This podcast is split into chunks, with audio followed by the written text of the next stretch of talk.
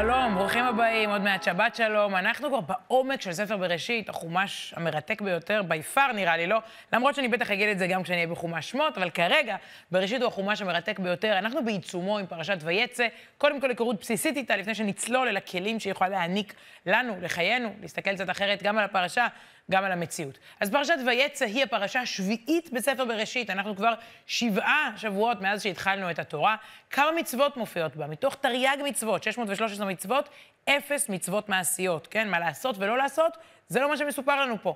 אגב, יהיו פרשות שיש בהן עשרות מצוות, עוד נגיע לשם, אבל ספר בראשית כולו מכיל רק שלוש מצוות, הוא מכיל מה כן? סיפורים. סיפורי היסוד והבסיס שלנו, והפרשה שלנו, ויצא, היא מתארת, וזה בעצם עיקר העיסוק שלה, היא מתארת את היציאה, כן? פרשת ויצא.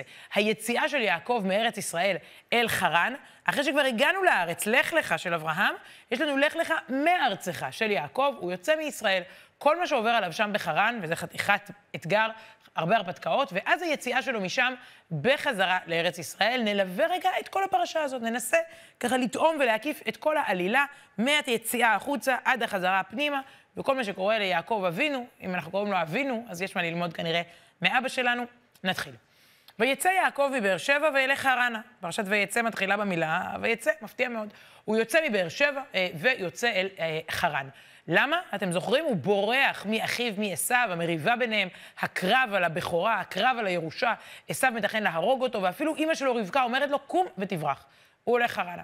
ויפגע במקום, מהו המקום הזה? הוא עוצר באיזשהו מקום, וילן שם, הוא הולך לישון, קיווה השמש, השמש שוקעת.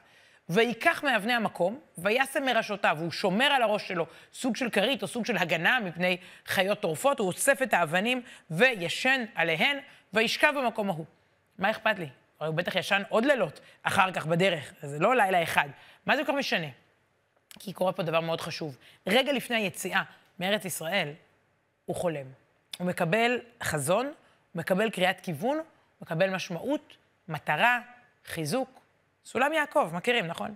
ויחלום והנה סולם מוצב ארצה, וראשו מגיע השמיימה, והנה מלאכי אלוקים עולים ויורדים בו. רגע לפני שיעקב שהוא בודד, אה, רווק, עני, די מסכן, אח שלו רודף אחריו להרוג אותו, עוזב את אבא ואימא, לאן הוא בכלל הולך? רגע לפני הוא מקבל מסר מאוד עמוק. זה רק נראה לך שהכל זה כאן ועכשיו. החיים הם לא רק לרוחב על פני האד... האדמה, הם גם לשמה, למעלה. החיים הם גם ממישור של שמיים ושל ארץ. יש למטה, יש למעלה, תפקידנו אולי לחבר ביניהם. אומר לנו רבי נחמן מברסלב, וזה משפט אחד שבחרתי מתוך אלפי פרשנים שבמשך אלפי שנים מדברים, בעיקר בשבת הזאת, על סולם יעקב, מה, על הסמליות שבו. אומר רבי נחמן משפט שאולי יקצר לנו את הכל, והנה סולם מוצב ארצה וראשו מגיע השמיימה, זהו כל עבודת האדם. לא יעקב, אנחנו. זה העבודה שלנו, לחבר שמיים וארץ. מלאכי האלוקים עולים ויורדים בו. החיים שלנו הם הרבה ארציות, הרבה שאיפה לשמיים, עליות, ירידות, חלום, רצון לחבר. הסיפור הזה הוא לא סיפור היסטורי של יעקב, עד היום זה סיפור חיינו. מה הוא חולם? אוקיי, הוא רואה את הסולם. מה אומרים לו שם בחלום? יעקב בעצם, שוב, פעם ראשונה, אם אני עוברת ככה בראש רגע מהר, נדמה לי זו הפעם הראשונה שאלוקים פוגש אותו, לא את יצחק אבא שלו, לא את אברהם סבא שלו, אותו. והנה, השם ניצב עליו ויאמר, אני השם אלוקי אברהם, אביך, ואלוקי יצחק, הארץ אשר אתה שוכב עליה, לך אתננה ולזרעך. אל תפחד יעקב, אל תירא, אתה, זה נראה לך מאוד עלוב, מה שקורה פה כרגע, אתה באמת איזה אה, אטום בודד, מבוהל, מסכן, שבורח על חייו, זאת התחלה של משהו מדהים. אני אומר לך, הארץ הזו שאתה עכשיו ככה ישן לישון בלי שום דבר, שוכב לישון בלי כלום, אתה עוד תהיה, אה, אה, זאת עוד תהיה הארץ שלך. והיה זרעך, עכשיו אתה לבד. היה זרעך כעפר הארץ, כמו החול שמסביבך. ופרצת, לאן אתה תפרוץ? ימה וקדמה, צפונה ונגבה. גם צפון ודרום, גם מזרח ומערב. ולא רק זה, ונברחו בך כל משפחות האדמה ובזרעך כל העולם. זה הולך להיות עניין עולמי. זה נראה בלתי נתפס, יעקב בודד ומסכן. אתה לא מבין איזה בשורה מתחילה פה. והנה, אנוכי עמך, אני שומר איתך, אנוכי עמך, ושמרתיך, בכל אשר תלך. וישבותיך אל האדמה הזאת, אתה תחזור, אתה בורח על מנת לחזור בעתיד. כי לא אעזבך, אני לא עוזב אותך, עד אשר אם עשיתי את אשר דיברתי לך. אני, אומר אלוקים ליעקב, לא הולך לשום מקום עד שכל הנבואות האלה מתקיימות. בואו נראה רגע ברצף את כל הפסוקים האחרונים, היו כאן ארבעה פסוקים. המילה והנה חוזרת שלוש פעמים, זה כאן, זה קורה, זה עכשיו, תסתכלו שנייה. והנה, והנה, והנה, כל רגע זה קורה. יעקב מתעורר משינה, אחרי שבעצם אה, הוא קיבל פה אה, תמצית של הבטחה אלוקית, של שמירה, אה, של אה, בשורה, והכל כאן ועכשיו. אתם רואים? הנה, הנה, הנה, זה, זה, זה, זה, זה אמיתי, זה קורה, זה נוכח. ויקץ יעקב, הוא מתעורר מהחלום, חזון, נבואה. ויקץ יעקב משנתו, ויאמר, אכן, יש השם במקום הזה, ואנוכי לא ידעתי. הוא לא ידע איפה הוא הלך לישון. אומרים פרשנינו, זה הר המוריה, זה קודש הקודשים, אבל יש משהו במשפט הזה, קדושה לפעמים בחיי היומיום היא מתגלה לא במקום הצפוי. אדם הולך לבית כנסת, לתפילת כל נדרי של יום כיפור. אה, קדושה יכולה להתגלות גם במטבח, גם בסלון, גם בפקק, גם בבנק. יש השם במקום הזה, ואנוכי לא ידעתי, לא תכננתי, לא ידעתי, אבל גיליתי אותו. אני חושבת שהחלום של יעקב הופך לאיזשהו סמל. אנחנו מציירים מגן הילדים בעצם, וגם עכשיו יש לנו איזה, ככה איזה אה, ויזואליה בראש, בואו נראה אותה רגע. תמונה כזאת של חלום שמחבר שמיים וארץ, במובן מסוים זה הסמל של יעקב, הסולם.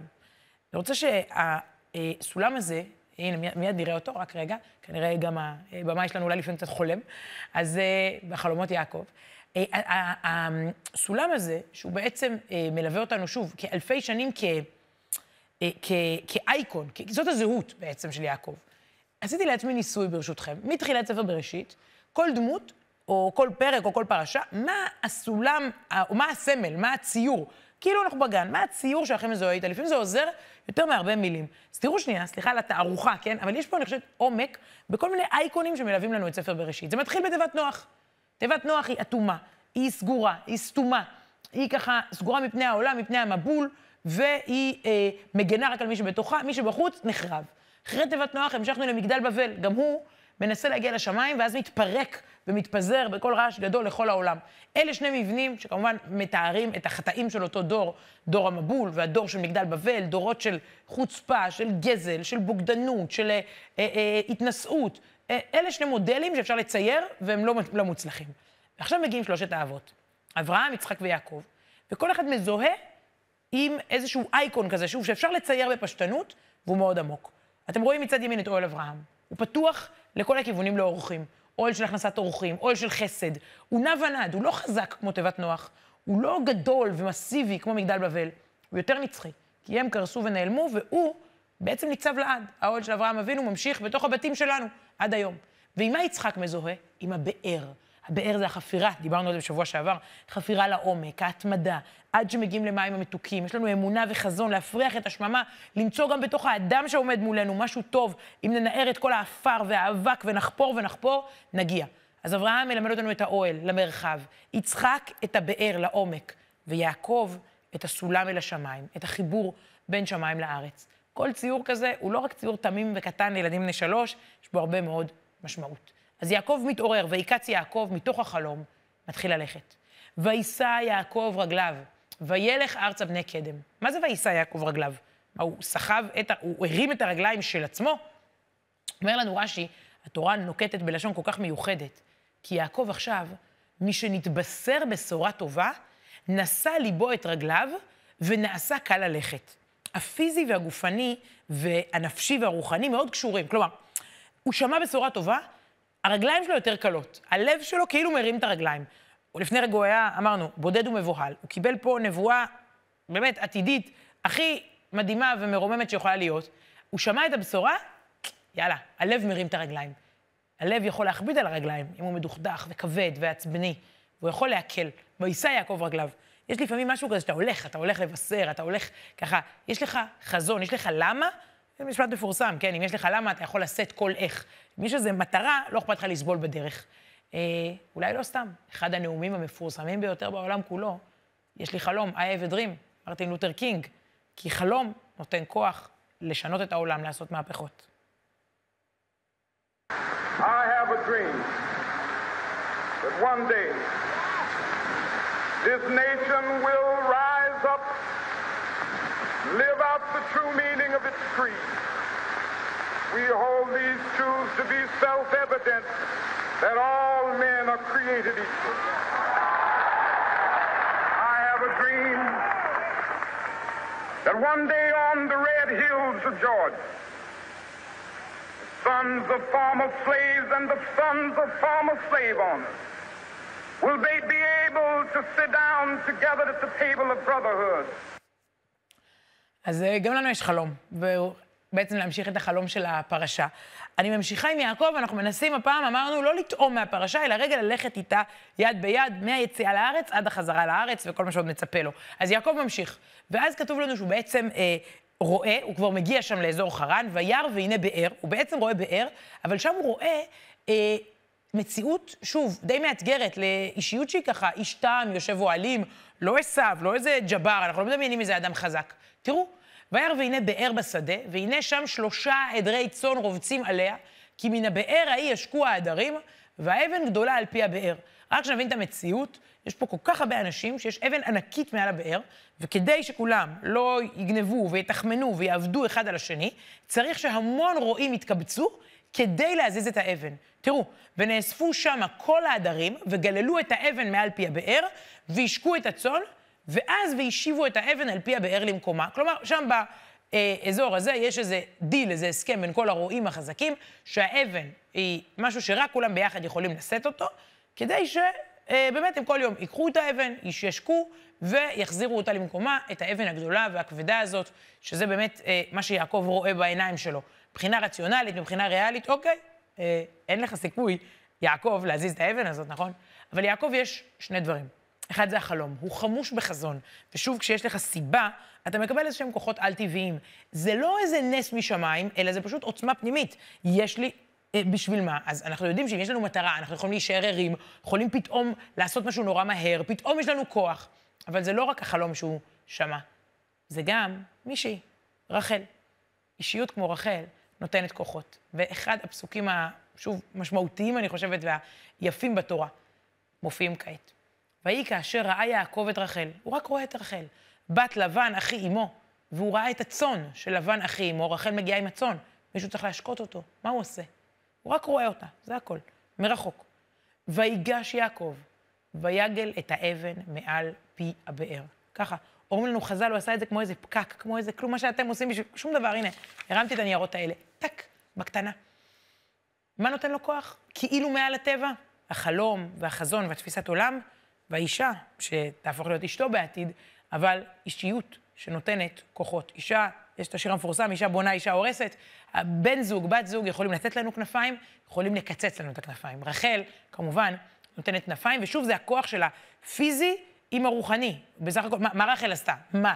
הוא הרים משקולות? לא. הוא פשוט, כשיש סיבה, הופ, האבן הזאת בשבילו היא קלה קלות, אפילו שבדרך כלל צריך מלא רועים חזקים ביחד כדי להזיז אותה. ואז מתחיל הקשר. יעקב רואה שהיא מבת משפחתו, הוא הרי בא לפה גם לחפש כלה, המשך לסיפור של אה, יצחק ורבקה, מישהו צריך להמשיך, הוא קיבל את הבכורה, מישהו צריך להמשיך את הסיפור הזה אה, הלאה, ויעקב עדיין רווק. ואז רחל לוקחת אותו בעצם אל הבית שלה. אל בית של, אין מילה עדינה לתאר זאת, רמאים שקרנים. אנחנו מכירים שם את לבן, את בתואל, את כל החבורה, את כל האזור, את כל השכונה, לא השכונה הכי טובה במזרח התיכון. היא לוקחת אותו הביתה, וקורה שם דבר מעניין, מקבלים אותו מאוד מאוד יפה, אבל למה, למה מקבלים אותו כך יפה? קופצים, כשהוא מגיע, קופצים התלהבות. תראו, ויהי כשמוע לבן את שמא יעקב בן אחותו, וירץ לקראתו, זה האח ש... כן, אה, אה, לבן הקרוב משפחה, רץ לקראתו. קודם כל, וירץ לקראתו, ויחבק לו, וינשק לו, ויביאהו אל ביתו. מה כל כך מדליק את לבן בזה שיעקב הגיע? מה הגיע איזה הומלס, זה קרוב משפחה רחוק, עכשיו צריך uh, לעשות פה הכנסת אורחים. הרי זה לא אברהם אבינו, אברהם רץ אחרי אורחים, אולי מישהו רעב, אולי מישהו צמא. מה מדליק את לבן? לבן זוכר שממש לא מזמן הגיע אליעזר, אה, שאותו שלח אברהם לחפש כלה, והוא מצא אז את רבקה, והוא הביא איתו זהב וכסף ותכשיטים וממון ורכוש וגמלים. אז לבן רגע, אומר, עוד, עוד פעם שולחים לנו שליח מהמשפחה ההיא של אברהם, בואו נראה מה הוא הביא לנו. אומרים שלכן הוא מחבק אותו, לכן הוא בודק, הוא בודק לו בכיסים, איפה היהלומים? ואומרים לנו חכמים, לא רץ אלא בשביל הממון. אה, לבן חושב שהגיע פה איזה מישהו, כן, טחון, מה שנקרא, מישהו עשיר, עם, עם, עם הרבה ממון, ולכן הוא קופץ. זו שאלה שחוזרת לאורך ספר בראשית, מה מקפיץ אותך, ממה אתה מתלהב? ראינו את אברהם מתלהב מאורחים. ראינו את רבקה מתלהבת מלהשקות את אליעזר והגמלים. זה מה שנותן לי את האנרגיה, את הניצוץ בעיניים, את הוואו. מה מדליק את לבן? כסף. בסדר, רק צריך לדעת מה בחיים מקפיץ אותך. והוא חושב שהוא יעשה כסף. אבל אין, אנחנו יודעים שיעקב מגיע, יעקב מצטער על זה, הרבה פעמים חז"ל מתארים את יעקב, אומר איך, איך אליעזר הגיע לפה לחפש כלה ואיך אני. ולכן, יעקב, שאין לו מה לתת כספית, מוכן לתת גופנית, הוא יעבוד. שוב פסוק, מאוד רומנטי, מאוד יפה, מאוד עמוק, שזוכה אלפי שנים כבר לפרשנויות, ושוב מופיע פסוק, לבן דורש מיעקב לעבוד. אתה רוצה להתחתן עם רחל? אה, אין בעיה, אבל זה דורש זמן, הרבה זמן. ויעבוד יעקב ברחל שבע שנים, והיו בעיניו כימים אחדים באהבתו אותה. טוב, כל כך הרבה, גם שירים וגם ספרים, ובכלל, הרבה אנשים מתכתבים עם הפסוק המיוחד הזה. הוא עובד שבע שנים, אבל השבע שנים הם כימים אחדים מרוב שהוא אוהב אותה. איך זה יכול להיות? כאלה שמסבירים, זה הפסוק הכי רומנטי בתנ"ך, כי מבחינתו רחל היא כזה דבר מדהים, שאפילו שבע שנים בשבילו זה, זה, זה, כלום, ימים אחדים, כדי לזכות בכזה דבר, נכון? אם יש איזה משהו כל כך גדול, אז, אז בשבילי, מה זה שבע שנים? כדי לזכות בנצח, ברחל, ב, נכון, זה דרך אחת להסתכל על, הפ, על הפסוק הזה, אבל תסלחו לי, זה קצת קשה, כי בואו בוא נדבר על הקושי הגדול. אם רגע נחשוב בצורה רציונלית, אז, אז ככל שמבחינה פסיכולוגית, זה, זה הפוך, ככל שאני מחכה לדבר שהוא נחשף, הזמן עובר יותר לאט. תראו ילדים שמחכים לחופשת חנוכה. נו, זה לא כימים אחדים, זה כמו שבע שנים, הפוך, כן? אה, הפוך, שבע שנים הם כמו מיליון שנה, אם אני כבר מחכה להגיע לחתונה עם רחל. יש כל מיני כיוונים. אחד הכיוונים לתשובה, זה נעוץ דווקא בסוף המשפט, כן? ויהיו בעיניו כימים אחדים, באהבתו אותה. יעקב נכנס לתפקיד של רועה צאן, נכון? הוא עובד אצל לבן, הוא רועה צאן. את מי הוא מחליף? את רחל, את אהובתו רחל. הוא עובד במקומה. אז ממילא כל קושי שיש בדרך, הוא רואה בו ערך, כי הוא מחליף אותה. יש קור, זה במקום רחל, אני סובל בשבילה. יש חום, יש שודדים, יש הרפתקאות, יש uh, גניבה. Uh, הוא מחליף את יקירתו, הוא חוסך את זה ממנה. זה מרגיש לו, אפשר להגיד, זה עוזר לו להרגיש יותר טעם בכל שלב בדרך. הוא לא רק מחכה, אלא זה מבחינתו, אני, כל, כל יום אני חוסך מאהובתי את, את הקשיים האלה. אגב, רוב החיים, שימו לב, השבע שנים האלה זה גם, תמיד אומרים את זה, זה משל עלינו. רוב החיים אנחנו בדרך לאנשהו. אם אתה רק מחכה לסוף, אתה תהיה מתוסכל, והזמן ימרח כמו מסטיק. החוכמה זה לראות, מה שנקרא, את הערך שבדרך. את השבע שנים האלה, אני בדרך ליעד משמעותי, וכל אחד בדרך ליעדים המשמעותיים בחיים שלו. איך אני, זה נראה בעיניי כימים אחדים, כי זה חשוב, זה משמעותי. גם, גם מה שאני עושה עכשיו זה לא רק בדרך אל, אלא יש פה משהו, יש פה משהו שהוא, שהוא, שהוא נותן לי משמעות בחיים. עכשיו מתחילה עלילה מאוד מפותלת. לבן, זוכרים את הרמאי? כל, אמרנו, אין מה לסמוך עליהם יותר מדי. מה פתאום רחל? עבדת שבע שנים? מחליפים, עובדים עליו. מביאים לו את לאה. אומרים לו, לא, היא הבכורה. זה קצת מזכיר לנו את הקרב על הבכורה. אתה בכור או עשו בכור?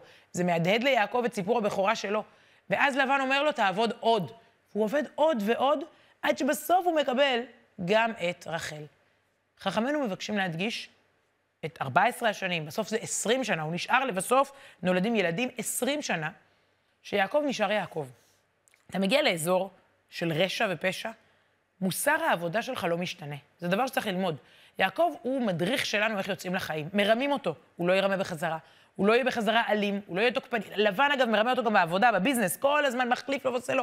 יעקב נאמן עד הרגע האחרון, הוא מתאמץ עד הרגע האחרון להיות הגון, ובעצם אה, הוא מודל בשביל זה.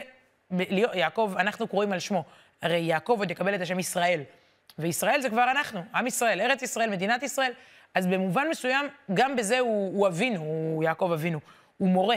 אתה יוצא לעולם, אתה לא, אל תהיה כל כך מושפע בכל הגלויות, בכל התפוצות, או גם היום, בכל מיני ניסיונות, מקום עבודה כזה או אחר, מסגרת כזאת או אחרת, לא אכפת לי מהכללי, ככה זה. יעקב אומר, אין דבר כזה, ככה זה. אני הגעתי לחרן, אני מהאוהל של יצחק ורבקה. אני שומר על ההגינות, על הנאמנות שלי, הוא עובד נאמן, הוא עובד מסור.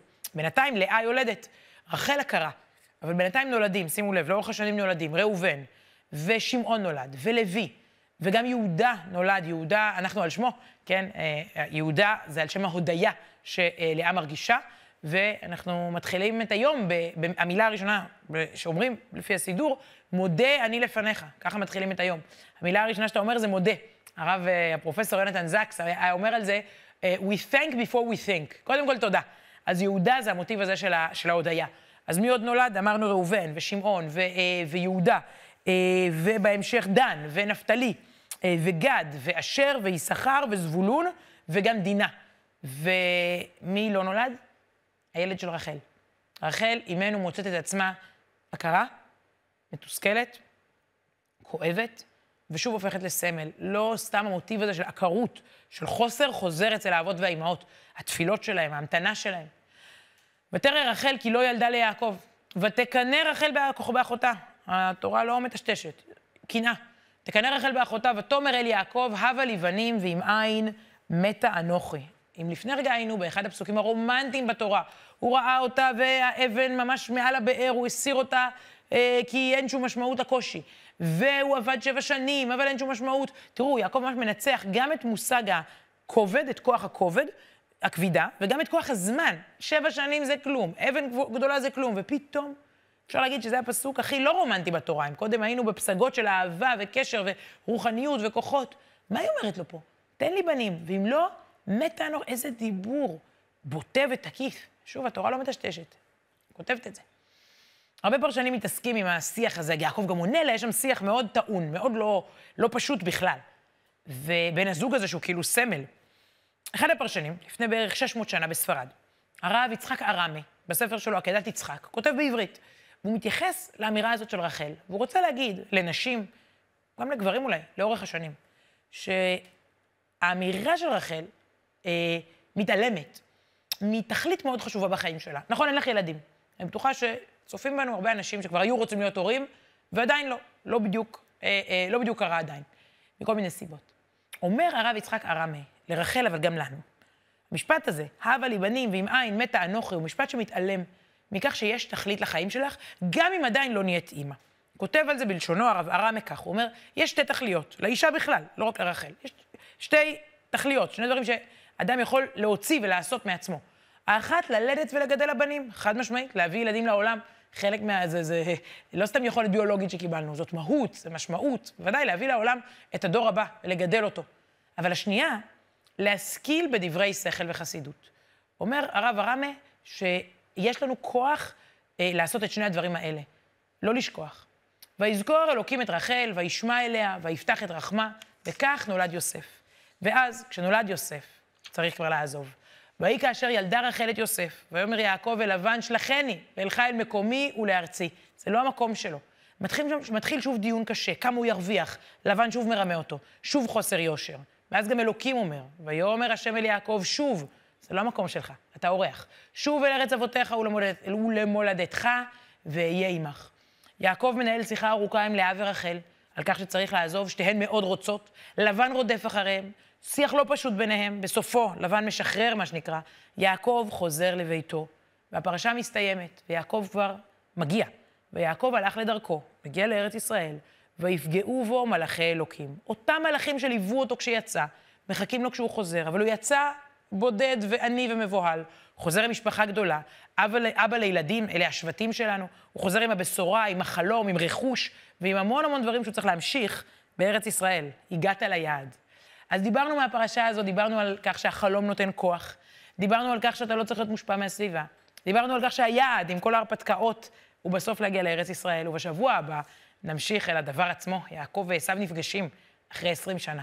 היו עמנו, שבת שלום, תודה רבה לכם.